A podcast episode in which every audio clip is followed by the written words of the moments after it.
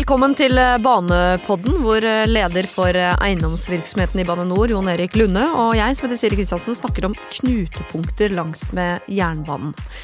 Først, Jon Erik, hva gjør Bane NOR egentlig? Hva er det de driver med?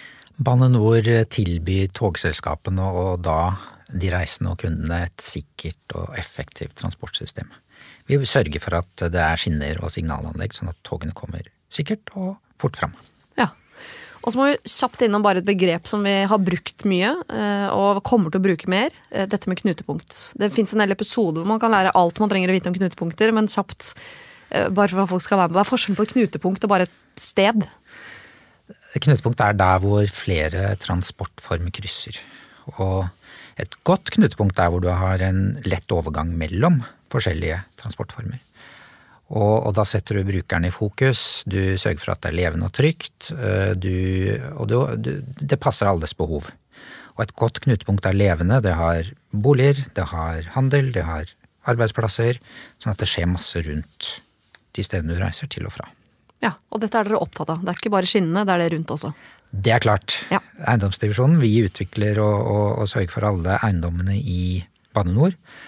Og en, et av våre formål er jo å få flere til å ta tog. Eller for at flere kan ta tog. Og da utvikler vi og sørger for gode knutepunkter. Ja. I 1854 så fikk Norge sin første jernbane, Hovedbanen. Den var 68 km lang og gikk fra Kristiania i den tid til Eidsvoll. Og dette er faktisk den samme strekningen som også nå har landets mest moderne jernbane, nemlig Gardermobanen, som åpnet da i sin helhet i 1999. Eh, nå har jeg sagt endholdeplassene, Jon Erik, men si litt mer om hvor hovedbanen går. Ja, altså Hovedbanen er jo både den eh, nye hovedbanen og den gamle hovedbanen. Og den gamle hovedbanen går gjennom Groruddalen, og det er masse stasjoner. Så jeg har en gang gått feil. Mm -hmm. Tatt feil tog til Lillestrøm. Og det var en melkerute. Det var kjempegøy å se alle de stasjonene. Jeg bidrar jo til at jeg var forsinket til Lillestrøm, men det går altså et tog gjennom Groruddalen, alle de stasjonene, gjennom Breivoll, Strømmen osv., og, så og ikke bare direkte Oslo-Lillestrøm. Mm. Det er ikke denne strekningen du sovnet på? som jeg husker du har nevnt på et Nei, tidspunkt? det var, det var Vestfoldbanen. Det var Vestfoldbanen, ja. ja. ok. Da skulle jeg til Holmestrand og våkne til Tønsberg. Ja. ja. Eh, hva gjør Bane NOR da for at flere skal benytte seg av hovedbanen nå i åra framover?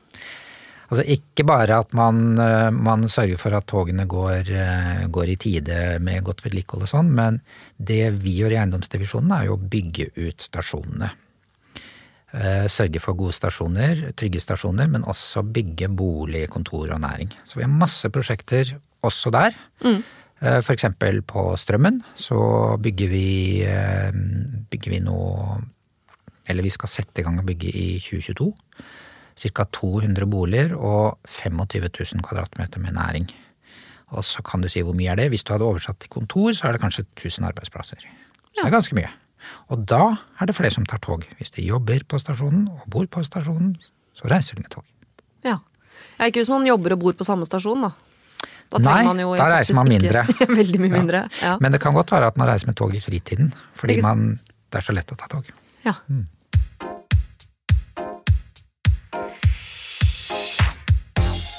Hvilke fordeler gir det folk å bo så nær en av stasjonene på hovedbanen? Det er jo akkurat det med kort reisetid, eh, praktisk eh, osv. Men det vi ser er jo at det, det blir masse attraktiviteter rundt. Ting mm. du kan gjøre. Du kan, du kan, drive fritid rundt det her, men også ja, gå og sykle og ta ting i nærområdet. Fordi knutepunktene er fortetting av aktiviteter og ikke bare stasjoner. Og da har du masse, masse ting i nærheten. Mm. Du har jo nevnt strømmen allerede, men eh, er det noen prosjekter på den strekningen som gjør at eh, jernbanen blir mer attraktiv som transportmiddel de årene som kommer? Altså Lillestrøm, der ser man jo effekten. Den har vært enorm. Den tok litt lengre tid enn man trodde, men den kom, eh, den kom kraftig, og den tar jo fortsatt av. Eh, der har vi bygget sykkelhotell som gjør at det er lettere å sykle, og det er, det er fortsatt i rivende utvikling, spesielt på sydsiden av Lillestrøm. Ja. Vil du trekke fram andre knutepunkter også? Du har nevnt Strømmen og Lillestrøm, men er det andre viktige knutepunkter på strekket? Ja, altså jeg nevnte jo den gamle hovedbanen, og vi ser jo at Breivoll kommer. Den kommer kraftig. Mm. Jessheim, ikke minst, den, den har vokst sterkt og vokser sterkt nå, og med mye eller med stor fortetting rundt stasjonen. Det har tidligere vært mye bilbasert, men vi ser nå at det blir mye mer by. At folk går og sykler en del mer, og bor mye nærmere og i sentrum i større grad. Ja. Hovedbanen er jo da Norges eldste jernbanestrekning, men også den mest moderne. Det må jo ha noe å si for punktligheten og øh, attraktiviteten i forhold til å ville bo på nettopp dette strekket?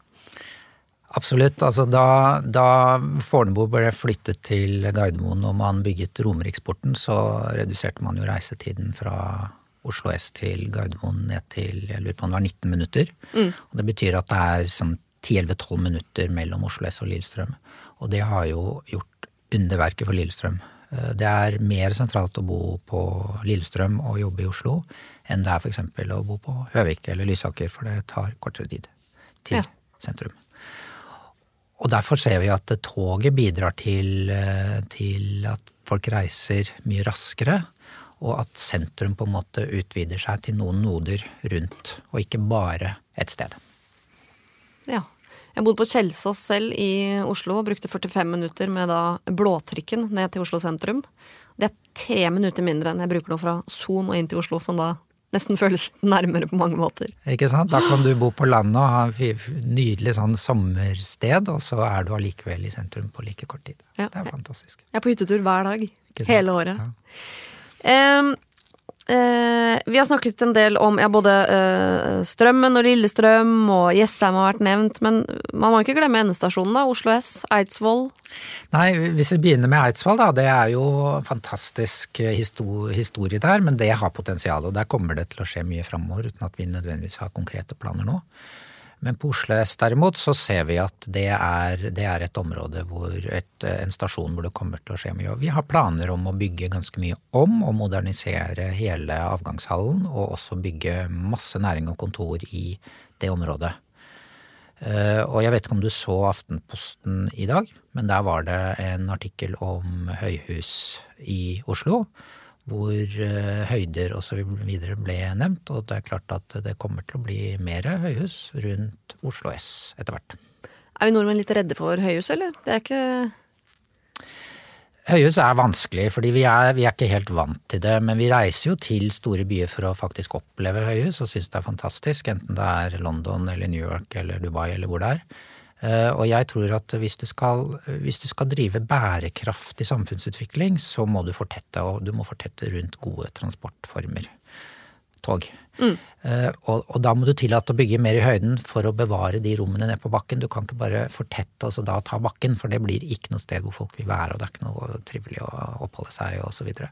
Så du må dra ting opp i høyden for at du skal få det til. Så det er, det er bærekraftig, og du bruker mindre land. Du bruker mindre areal, sånn at eh, for meg er det faktisk veldig miljøvennlig å bygge høyt. Ja.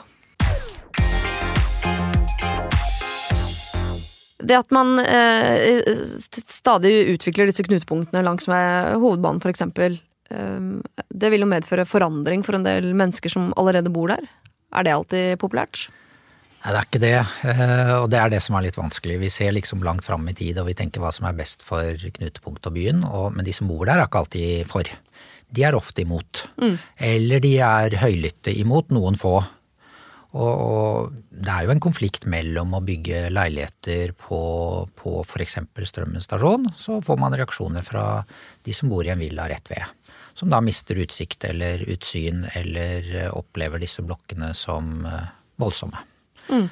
Og, og, og, der tror jeg at uh, lokalpolitikerne også står i en sånn uh, dilemma, fordi det er jo lokalbefolkningen som stemmer på dem. Det er ikke mm. de nye beboerne, de er ikke der for om flere år. Og, det er jo en balanse som er litt vanskelig for dem å, å, ta noen ganger. Hva som er best for samfunnet, eller hva som er best for de som stemmer på dem akkurat der og da. Ja. Har du noen eksempler på der det har vært massiv motstand, uh, og så når allikevel forandringen skjer, så så snur befolkningen og sier sånn ja, ja, men dette ble jo riktig så bra. Jeg har masse eksempler, eh, men ikke nødvendigvis langs hovedbanen. Men det som, eh, det som er typisk, er at de, de, de, som klager mest, er faktisk de første som kjøper en leilighet der. For da, da de ser kanskje at ja, ja, da har, jeg, da har jeg ikke vunnet den kampen, men da kan jeg ta gleden av det det faktisk blir. Og så ser de den, for de har satt seg inn i dette, og de ser hvilken livskvalitet det kan gi dem. Mm. Så, så, det er overraskende hvor mange av de som ofte er høylytte imot, som faktisk blir de beste ambassadørene etterpå. Ja. Og så har det jo litt å si for tomteprisen også, rundt disse knutepunktene som bygges ut. Det er de vel glad for? Ja, altså man skulle jo tro at eh, de var glad for det, men det er mange som kanskje har det godt. De vil, eh, de vil av prinsipp ikke bli kjøpt av eh, av noen, utbyggere eller hvem det nå enn er, og, og syns at det er det verdt å kjempe for, selv om de faktisk kunne tjent mye på, på å selge. Men, men det, er, det, er, ikke alle som er der, fordi at det, man er i en randsone, og de som er akkurat på ytterkanten av randsonen, får ikke nyte godt av god tomtepris, selv om naboen får det. No. Så, så, det er et dilemma i, i, mange sånne utbygginger, og det ser du på, på, veldig mange steder i Ikke bare ved knutepunkt, men overalt egentlig hvor det bygges, eh, bygges og fortettes. Mm. Hva blir viktig nå når man skal utvikle nye stasjoner og knutepunkter på strekningen framover? Jeg tror det viktigste når vi, når vi utvikler knutepunkt i, i, på mange steder, er at vi har, har, forankret og veldig god dialog og forståelse med lokale politikere om hva de vil. For vi ser jo at, at går vi sammen med, med, myndighetene lokalt, så er prosjektene ofte mye, mye lettere å, å, å gjennomføre, og de blir mye bedre tatt imot enn om man ikke nødvendigvis har lokale myndigheter med seg fra første dag.